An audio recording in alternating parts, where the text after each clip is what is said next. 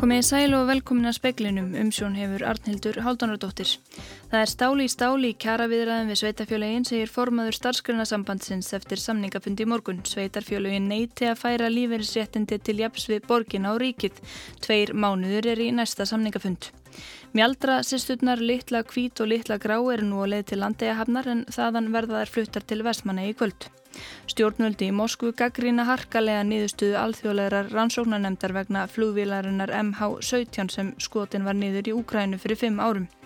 Þriðja hvert barn í bænum Tassiljaka á Grænlandi verður fyrir kynferðslu og ofbeldi og femti hver bæjarbúi sviftir sér lífi.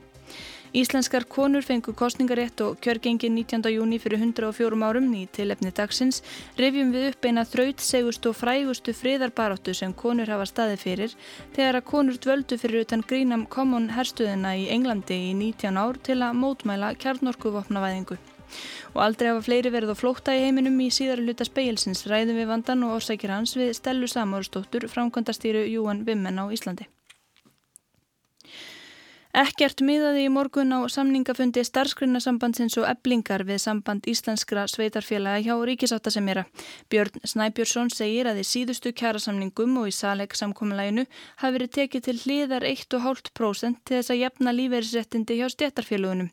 Ríkið og Reykjavíkuborg hafi þegar gert þetta hjá sér en hinn sveitarfélagin hafniði. Björn segir stjættarfélagin telja að samið hafi verið um þetta í síðustu kjærasamningum. Það er bara stál í stál. Við höfum sagt það að við viljum að sveitafélagin komi og ræði þetta við okkur og, og þau hafa sagt ekki alltaf að ræða þetta við okkur. Þannig að það er bara stál í stál. Við teljum að, að þetta sé gílast réttur okkar að sækja þetta og við munum sækja það hvort með góðu og yllu. Svo er ekki næsti fundu fyrir neftir dúk og disk? Það er ekki fyrir 21. ágúst þannig að slagurinn er í haustum þetta. Saði Björn Snæpjusson í viðtali við Þórtísi Arlutsdóttur. Mjaldra sýsturnar litla kvít og litla grá lendu í Keflavík klukkan hálf tvö í dag. Það eru nú á leið til landeigahafnar en þaðan verða þær fluttar til vestmannaæja í kvöld. Ferðalag sýstrana hóst klukkan þrjú í nótt þegar vél þeirra lagða stað frá Shanghai í Kína. Þær lendu svo að Keflavíku flugilli klukkan hálf tvö í dag. Brynjar Örd Svenjónsson var flugstjóri. Hann segir flugið hafa verið ánægulegt og skemmtilegt. Þetta eru mjög sérstakki gestir og þeir voru mjög stiltur og prúður alla leðina. Þeir hérna Flugið gekk vel og, og þeim leið vel. Þeir voru náttúrulega kannski örlítið stressaðir fyrst en uh, svo róðust þeir niður og, og voru mjög rólegir alla, alla ferðina. Jean Shijian, sendi herra Kína, segir verkefni til fyrirmyndar og mikið gleðiefni fyrir alla kýmverja á Íslandi. En hann grunar þó að kýmversk börn muni sakna sistrana og koma hinga til lands til að líta þær aftur augum. Það getur verið fleiri kýmverska ferðarmenn sem hafa áhuga á að koma til að skoða hvernig gekk hérna hjá þeim. Ég mynda mér að það getur verið svona fleiri krakkar af síðasinningu áður. Þeir sakna þeim mjög og sjálfsögðu Þeir vilja að koma hingað aftur til að sinna svona lilla grá og lilla kvít hérna á heima, nýjheimana hérna á Vestmanneia. Vagnar með litlu kvít og litlu grá eru nú á leið eftir Suðustrandavegi í átta landegahöfn þaðan sem herjólfur siklir með þær til vestmannaegja í kvöld. Þar verða þær fyrstum sinn í sótt kví í stóri laug áður en þar verða fariðar í Klettsvík sem verður þeirra greiða staður. Sólveig Klara Ragnarsdóttir tók saman. Stjórn Lífeyrissjóðs Verslunamanna segist vísa yfirlýsingum um annarlegan tilgang með eðlilegum vakstabreitingum til föðurhúsana. Frá, frá og með 1. ágúst eiga breytilegir vextir verðtriðra fastegnalána hjá Lífeyrissjónum að hækka um 2% stygg. Ragnar Þór Ingólfsson, formaður Vaffer, sæði í viðtali við fréttastofu Rúf í dag að skýringin á vakstahekkunni væri svo að Lífeyrissjónum þætti vextir ornir of lágir. Hann taldi það óbóðlega skýringu. Þá sæði hann jafnframt að hækkunin stritti gegn markmiðum lífskjærasamningsins. Í yfirlýsingu stjórnar lífverðisjóðsins segir að breytilegi vextir verðtriðra lána hafi verið hækkaðir því þeir hafi verið bundnir við úrelt viðmið og því orðnir óeðlilegir. Vaksta viðmiðið hafi miðast við breytingu á ávöxtuna kröfu ákveðin skuldabrjáflokks hjá Íbúðalánasjóði en viðskipti með þann flokk höfðu minkað það mikið að það hafi ekki talist eðlilegt eða raunhæft viðmið. Því hafi verið ákveðið að miða við ávöxtunarkröfu ríki skuldabrefa og saman burða hefra skuldabrefa á samt vakstakjörum markaðarins að teknu tilliti til áhættumats. Um 170.000 sjóðsfélagar eru með réttindi í lífeyri sjóðu vestlunumanna og lántakar sjóðsfélaga lána með breytilega verðtreðavexti eru um 3.700 talsins. Breytilegir vexti lána hans eru þeir þriðju lagstu á markaði að því er framkemur í yfirlýsingunni. Helena Rós Sturldudóttir tók saman og hér var verið að tala um 0,2% stiga vakstabreitingu, ekki 2% stiga eins og framkom í yngangi. Inga Sæland formaður flokks fólksins og annar varaformaður fjárlaga nefndar alþingis segir að stjórnarnanstaðan hafi á samt öryrkjabandalagi Íslands unnið á hviðin varnarsigur þegar viðblasi að ekki eigi að draga jafn mikið úr fjárveitingum í velferðamálum og ríkistjórnin hafi stemtaði byrjun júni. Já, tvennu grá hæst úr spölfuðu að þá hafa það nú dreyið eh, úr eh, skerðingunum sem að bóða voru í velferð, velferðamálin, eh, rúma 20 miljardar nýri 10 Þannig að við teljum nú að við höfum nú unnið ákveðin varna sig hvað það var þeirri stjórnarnanstöðinni og, og, og, og ásand öryrkjabandalagi Íslands. En það breytir ekki þeirri staðrend að ég sakna þess að sjá ekkert þarna um það hvernig til dæmis við getum 910 miljardar vantarlega argreislur landsvirkjunar í annað heldur en bóðaðan þjóðasjó. Saði Inga Sæland, Jóhanna Veitis Hjaltadóttir talaði við hana. Síðari umræða um fjármálastefnu og fjármála áætlun fer fram á alþingi á morgun.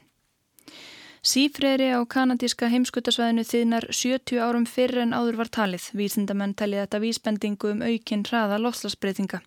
Þegar sífreyri þýðnar er hægt á að mikið magn gastegunda til að mynda metans sem bundnar er í sífreyrunum losn út í andrumsloftið og hækki enn frekar hitastig sem leiðir til enn frekar í þýðnunar.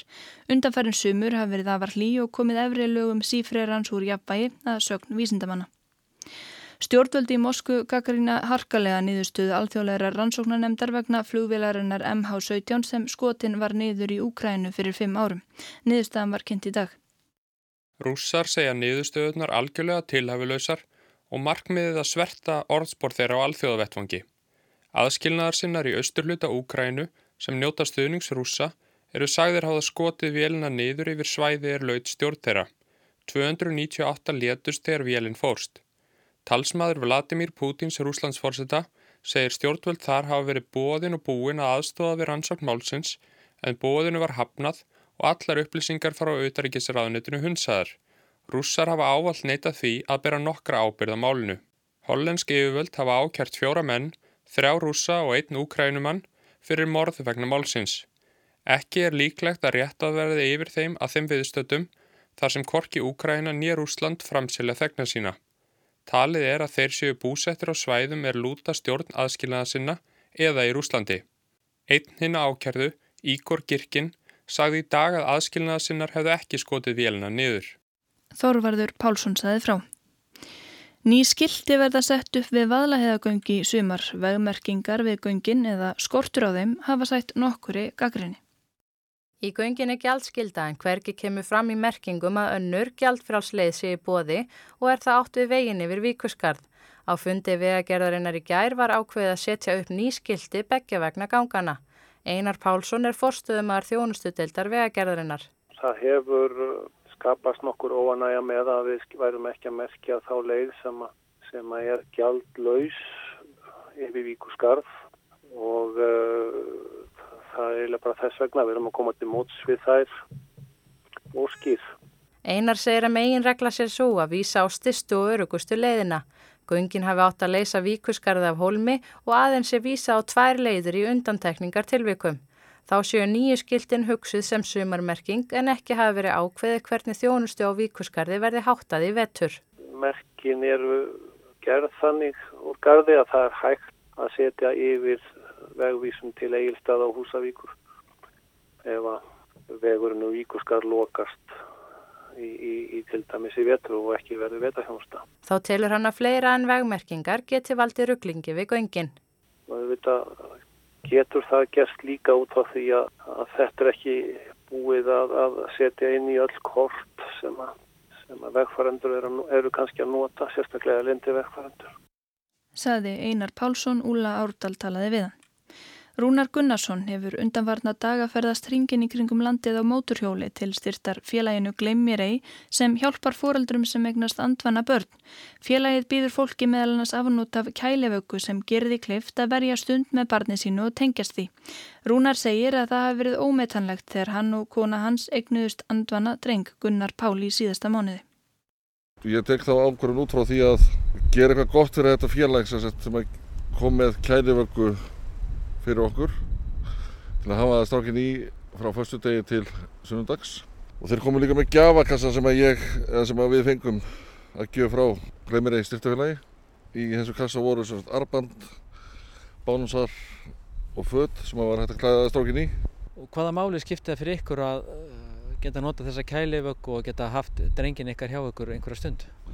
Það skipti okkur mjög miklu á allan hátt. Bæði gangverð mér, henni og hon held ég. Þarna fengum við að eigða ómeðdæðanlegum tíma með barninu, knúsa hann og koma við hann og snerta hann og bara eigða síðustu stundum hans eða okkar með honum. Lífið heldur áfram en hugsunin er alltaf hjá honum og minn alltaf, alltaf til að vera.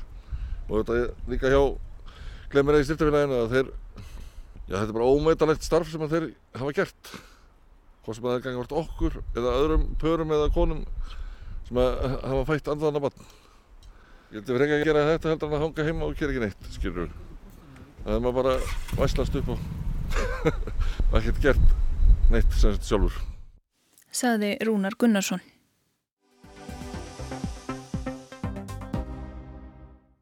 Meira en 70 miljónir manna flýja nú ofsóknir, stríð og átök, helmingur þeirra er á barnsaldri. Þetta kemur fram í árlegri skýslu flóttamannastofnunar saminuðu þjóðuna sem að var byrti í morgun.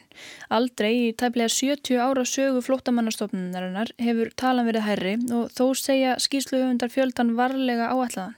70,8 miljónir það jafngildir 200 földum íbúafjölda Íslands, 11 földum íbúafjölda Danmerkur og 1,5 íbúafjölda Bandaríkjana. Stella Samuelsdóttir framkvæmdastýra UN Women á Íslandi er hingakomin. Hún hefur viðtæka reynslu á sviði þróunasaminu og starfaði meðal annars í Malawi um nokkur ára skeið. Stella það eru tvöfalt fleiri á flótta núna en fyrir áratug síðan bara. Hvers vegna eikst þessi fjöldi svona skart? Já, þetta er hérna, stór spurning.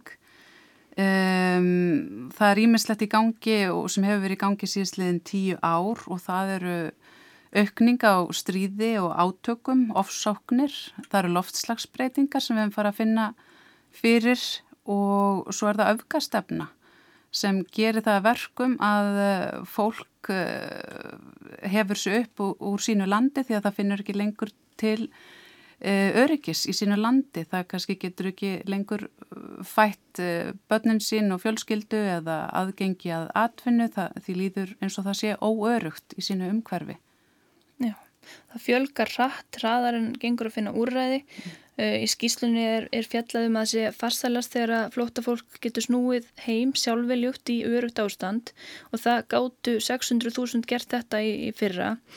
En uh, svo tala flótamannastofnunin líka um að það megi bjerga mannslífi með því að gera flótafólki kleift að komast uh, í örugt skjól í öðru landi, öðrum stað og í þessum hópið til dæmis fólk sem hefur komið hinga sem kvótaflótamenn. Í fyrra taldi flótamannastofnurinn að þyrti að finna svona stað fyrir 1,4 miljónir flótamanna en árangurum var í raun bara mjög slakur og það tókst einungis að finna nýjan samastað, samastað fyrir 7% og koma 7% um þessu hóps í betri aðstæður. Maður svona spyrsi bara hvað veldur þessu? Er það skortur á samkend? Er það einhver vangeta saminuð þjóðan eða alþjóðarsamfélagsins? Já, það er góð spurning. Uh, flest fl uh, eh, flótafólks uh, vill komast aftur til sín seimalands. Það er alveg ljóst og margir sem reyna að fara tilbaka en, en geta ekki snúið tilbaka. Um, ég hugsa að það sé blanda mörgu sem gerir það verkum að það hefur ekki tekist betur til um, það er á meðal hræðisla við, ó, við þið óþekta um, svona ómeðvitaðir fordómar og, og, og skortur kannski á þekkingum það hvað uh, fólk af, uh, frá öðrum löndum getur bætt okkar samfélag, ég minna mörg okkar samfélag í heiminum eru uh, bara uppsett með flótafólki, skulum ekki gleyma því að stór hluti Íslands uh, hvarf hérðan sem flótamenn og um, fór af landibrott til Vesturheims, uh, Bandaríkin, þetta er allt flótafólk sem byggir upp þetta land og um, Íslensk stjórnvöld hafa staðið sér vel með því að taka á móti kvótaflótafólki og það eru löndi svo Tyrkland sem hafa tekið á móti tæfleira fjórum miljónum manns e, á síðustu árum frá Sýrlandi aðala þannig að þetta eru stórar tölur en það þarf að gera betur. E, þetta er stærsta áskorun okkar tíma. Hvernig ætlum við að taka á móti fólki?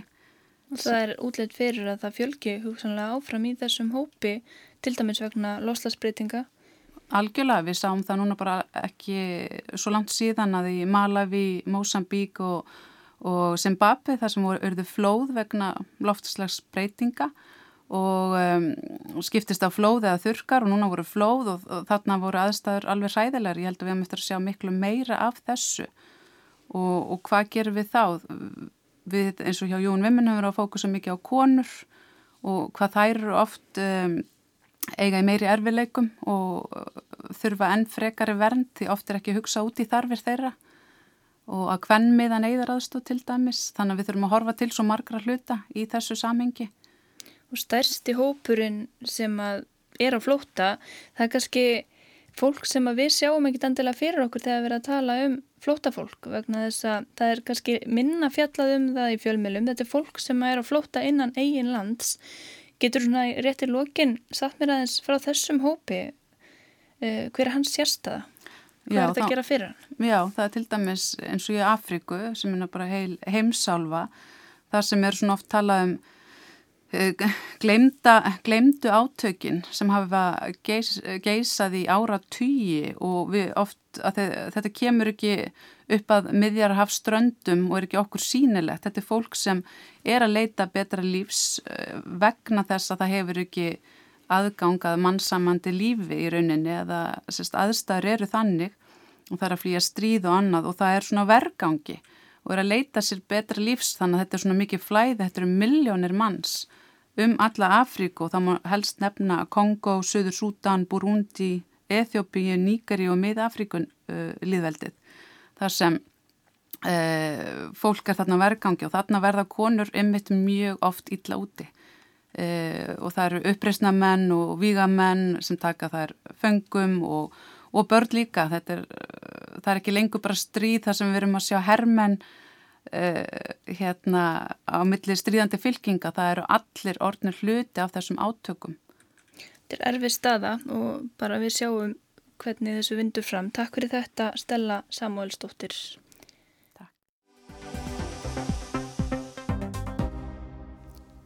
Þriðja hvert barn í bænum Tasilaka á Grænlandi verður fyrir kynferðslegu ofbeldi og fymti hver bæjarbúi fyrirfyr sér. Grænlenskir þingmenn segja kynferðisofbeldi rótgróið í grænlenskri menningu. Jeg vil bare ønske, at der var en, der kunne hjælpe hende. Som, som vidste, hvordan man kunne hjælpe hende. Ég vildi óska þess að það hefði verið einhver sem hjálpaði henni, að hér var einhver sem vissi hvernig maður hefði átt að hjálpa henni. Og þessum orðum móður ungrar konu sem sýfti sér lífi hefst heimildametin Bærin þar sem börnin hverfa sem sínt var í danska ríkisjónvarpunni á dögunum. Myndin fjallar um kynfyrirslegt ofbeldi gegn börnum á Grænlandi en sjónum er sérstaklega byntað bænum Tasilíka á Östur Grænlandi þar sem ofbeldið er afar útbreytt. Þriðja hvert barni í þessum 3000 manna bæ hefur orðið fyrir kynfyrirslegu ofbeldi og 50 hver bæjarbúi svifti sér lífi. Þá þarf félagstjónustan að hafa áskipti af öðru hverju barni í bænum. Um helmingur allra yngre en 60 ára hefur orðið fyrir kynfyrirsofbeldi. Á síðustu þremur árum hefur laurugla skráð tæpla 200 slík brot. Þess ber þó að geta að einungis fáir þólendur tilkynna brotin. Borgastjóri Núk á Grænlandi segði af sér eftir að mynda á sínd. Tasilag, líkt á höfustöðurinn Núk, heyrir undir sveitarfélagi Sermosúk, þar sem borgastjóri Núk, Asi Tjamnits Narúp, hefur staðið í brúni í tíu ár.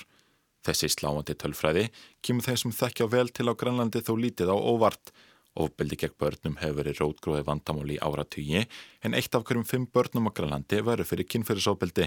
Sakvan tölum frá danskan landlagningsembattinu hefur þriðungur barna sem fættist á tíunda áratögnum þurft að búa við heimilisofbeldi og mikla áfengisnislu foreldra. Þá er sjálfvíkstíðinni hvergi jafn háa á Grænlandi og mjög margir glíma við áfengisvanda. Myndin var í að síður valdur að því að gaggrinsrættur um aðgerraleysi málöfnum barna og annara sem vera fyrir kynfyrirsofbeldi urðu enn hávarari ákvað borgarstjórnarflokkurinn Demokraterni að slíta samstarfið flokk borgarstjórans með þeim afleðingum að borgarstjórinn sæði af sér. Rikki Blekvat er grunnskólakennar í Núk en á annað hundrað krakkar hafa leitað til hennar með einn ímsu mál. Druk í hjemmet og en mor með øh, der er selvmordstruet. Hun er blevet misbrugt af sin stedbedstefar siden hun var øh, 8 år gammel. Druk i hjemmet og selvmordstanker. Øhm, en dreng, der er begyndt at sniffe og drikke øl. Mor er meget fuld og meget voldelig. Og en pige, der fortæller om seksuelle krænkelser. Forældre, både mor og far, slår hende. Selvmordstanker. Rikki var með tugi mála á sínu borði þegar danska ríkisútvarpi rætti við hana. Fjölmörg dæmum kynfyrirslegt ábeldi, áfengisneslu foreldra, sálfíkshugsanir og heimilisofbeldi. Segir hún að börnin viti ekki hvert þau að leita eða hvart þau geti fengið aðstóð. Rikka hefur sendt yfir 109 mál til yfirvalda þar sem afverð þessu ári en hún segir að í yngu þeirra hafi yfirvöld geta bóðið viðingandi hjálp. Það er í raun leiðast stefið í gegnum alla myndina, algjört ráðaleysi hjá þeim sem orðið hafa fyrir kynfyrslega óbeldi og þeim sem klíma við sálsvíkshugsanir. Heimastjórn Grænlands sendi frá sér yfirlýsingu í kjölfar myndarinnar. Í yfirlýsingunni kemur fram að ríkistjónin taki efni heimildarmyndarinnar mjög alvarlega en það sé það óásættanlegt að börn alst upp í samfélagi þar sem kynfyrirsbrot og sjálfsvík séu svo algeng. Þráfyrir að kynfyrirsbrotum hafi fækkað undanfærin ár sé fórnalömpin enn allt á mörg og því þurru ríkistjótin í samstarfið við sveitastjórnir að vinna buga á meininu. Grænlenskir þingmenn hafa kallað eftir því að stopnaður verði neyðarsjóður til aðstóðar þólendum kynfyrirsópeldis. Heimastjórn Grænlands hefur ákveða að leita hjálpar hjá dönskum eigavöldum í kjölfarmyndarinnar og vinna með þeim að því að bæta sálfræðastóð og forvarnir. Umræðanum kynferðsóbildi var áberjandi nýjástunum þingkostningum en Akima Tilda Hókdam sem komst inn á danska þingið sagði að ákveðin þöggun hafi verið innan dönsku ríkistjórnarinnar um barnamisnögun á Grænlandi. Heimildamindin hafi skipt sköpum fyrir umræðuna og þær aðgerri sem unni fylgja. Yngvar Þór Björnsson tók saman. Í dag eru 104 ár síðan að íslenskar konur fengu kostningarétt og í tilefni dagsins revju við upp baráttu breskra kvenna fyrir friði. Konur síndu ótrúlegt úthald þegar þær dvöldu við Greenham Common herstuðina í Breitlandi frá því í september 1981 til ásins 2000 eða í 19 ár. Það er mótmæltu því að flytja átti 96 kjarnorku eldflugar í herstuðina. Þetta var á árunum þegar að kalda stríði stóð sem hæst.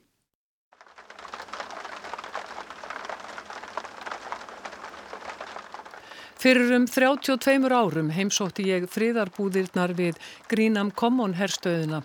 Þá voru konur við fjögur hlið inn á herstöðuna og höfðu sumar þeirra verið þar í hátt í sex ár.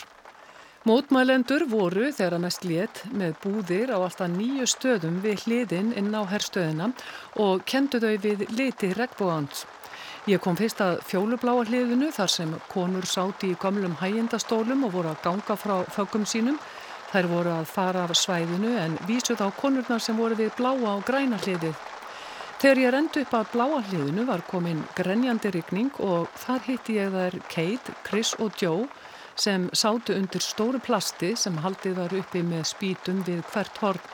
Þær höfðu kveikt eld undir plastinu og af því að ekkert gat var á því fann reykurinn sér leið undan því sömu leið og ég þegar ég skreið undir plastið til þeirra. Það er stöllur voru að hita vatn til að hætlu upp á te og buðu mér te í óreinum botla. Kate, Chris og Joe voru tiltölaða nýkomnar á svæðið, höfðu einungis verið við bláa hliðið í nokkra daga.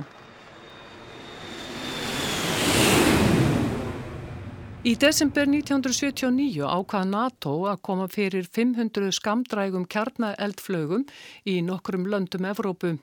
Hver þeirra bar sprengju sem var á við fimm sprengjur sem varpað var á Hiroshima.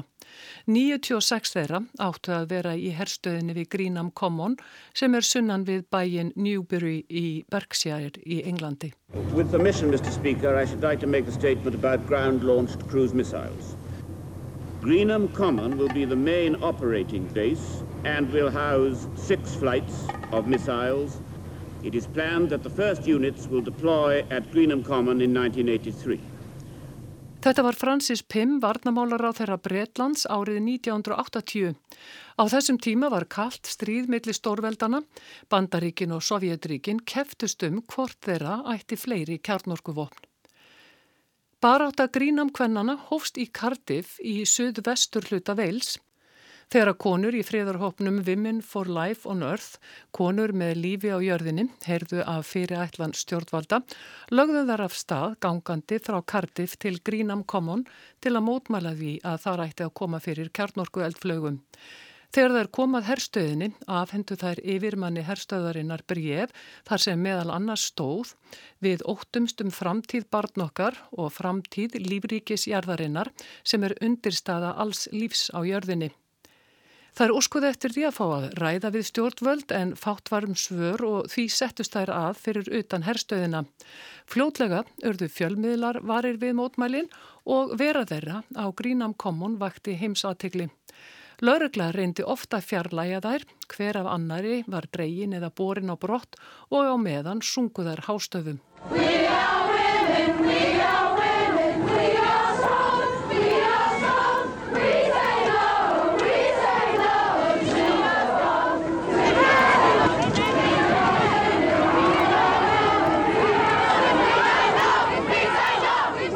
Þessa upptökum má finna á YouTube og hún er eflust frá árunnu 1981 eða 1982 en þá flyktust 30.000 konur að Greenham Common og mynduðu keðju í kringum herstöðina. Ári síðar voru enn fleiri við herstöðina, alltaf 70.000 manns bæði karlar og konur sem mynduðu keðju frá Greenham til Aldermaston og svona helt þetta áfram. Konur komu og fóru en sumar dvöldu lengur en aðrar. Stundum festu þær sig við gerðinguna með keðjum eða þær lokuðu hlýðunum með sterkum lásum.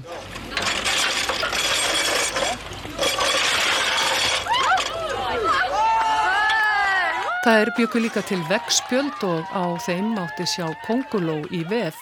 Kongulóin var tákn kvennana, hún er við kvæm en þraut seg.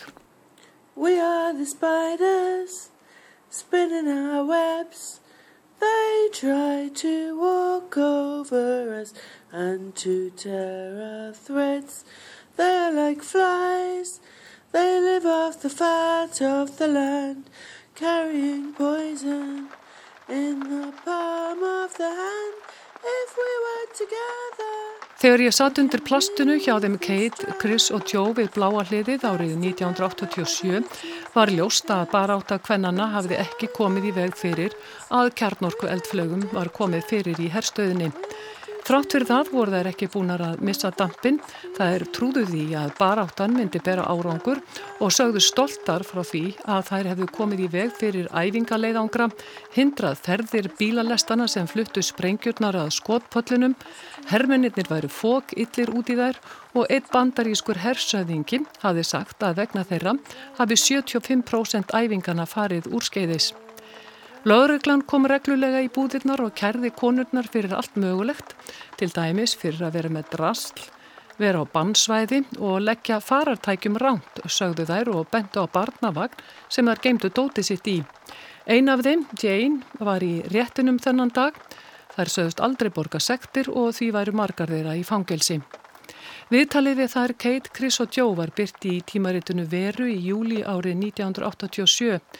Herstöðin var lögð niður árið 1992 en konurnar dvöldu áfram þangað til 5. september árið 2000 þegar það er yfirgáfu svæðið.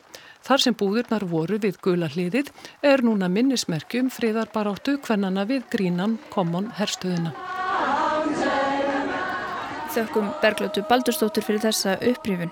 Þá meðal efnis í speklinum að það er stáli í stáli í kjaraviðræðum við sveitafélagin segir formaður starfsgrunarsambandsins eftir samningafundi morgun sveitarfélagin neyti að færa líferisréttindi til japs við borgin á ríkið og mjaldra sýsturnar litla kvít og litla grá eru nú að leið til landeihafnar en þaðan verða þær flutta til Vestmanæja í kvöld.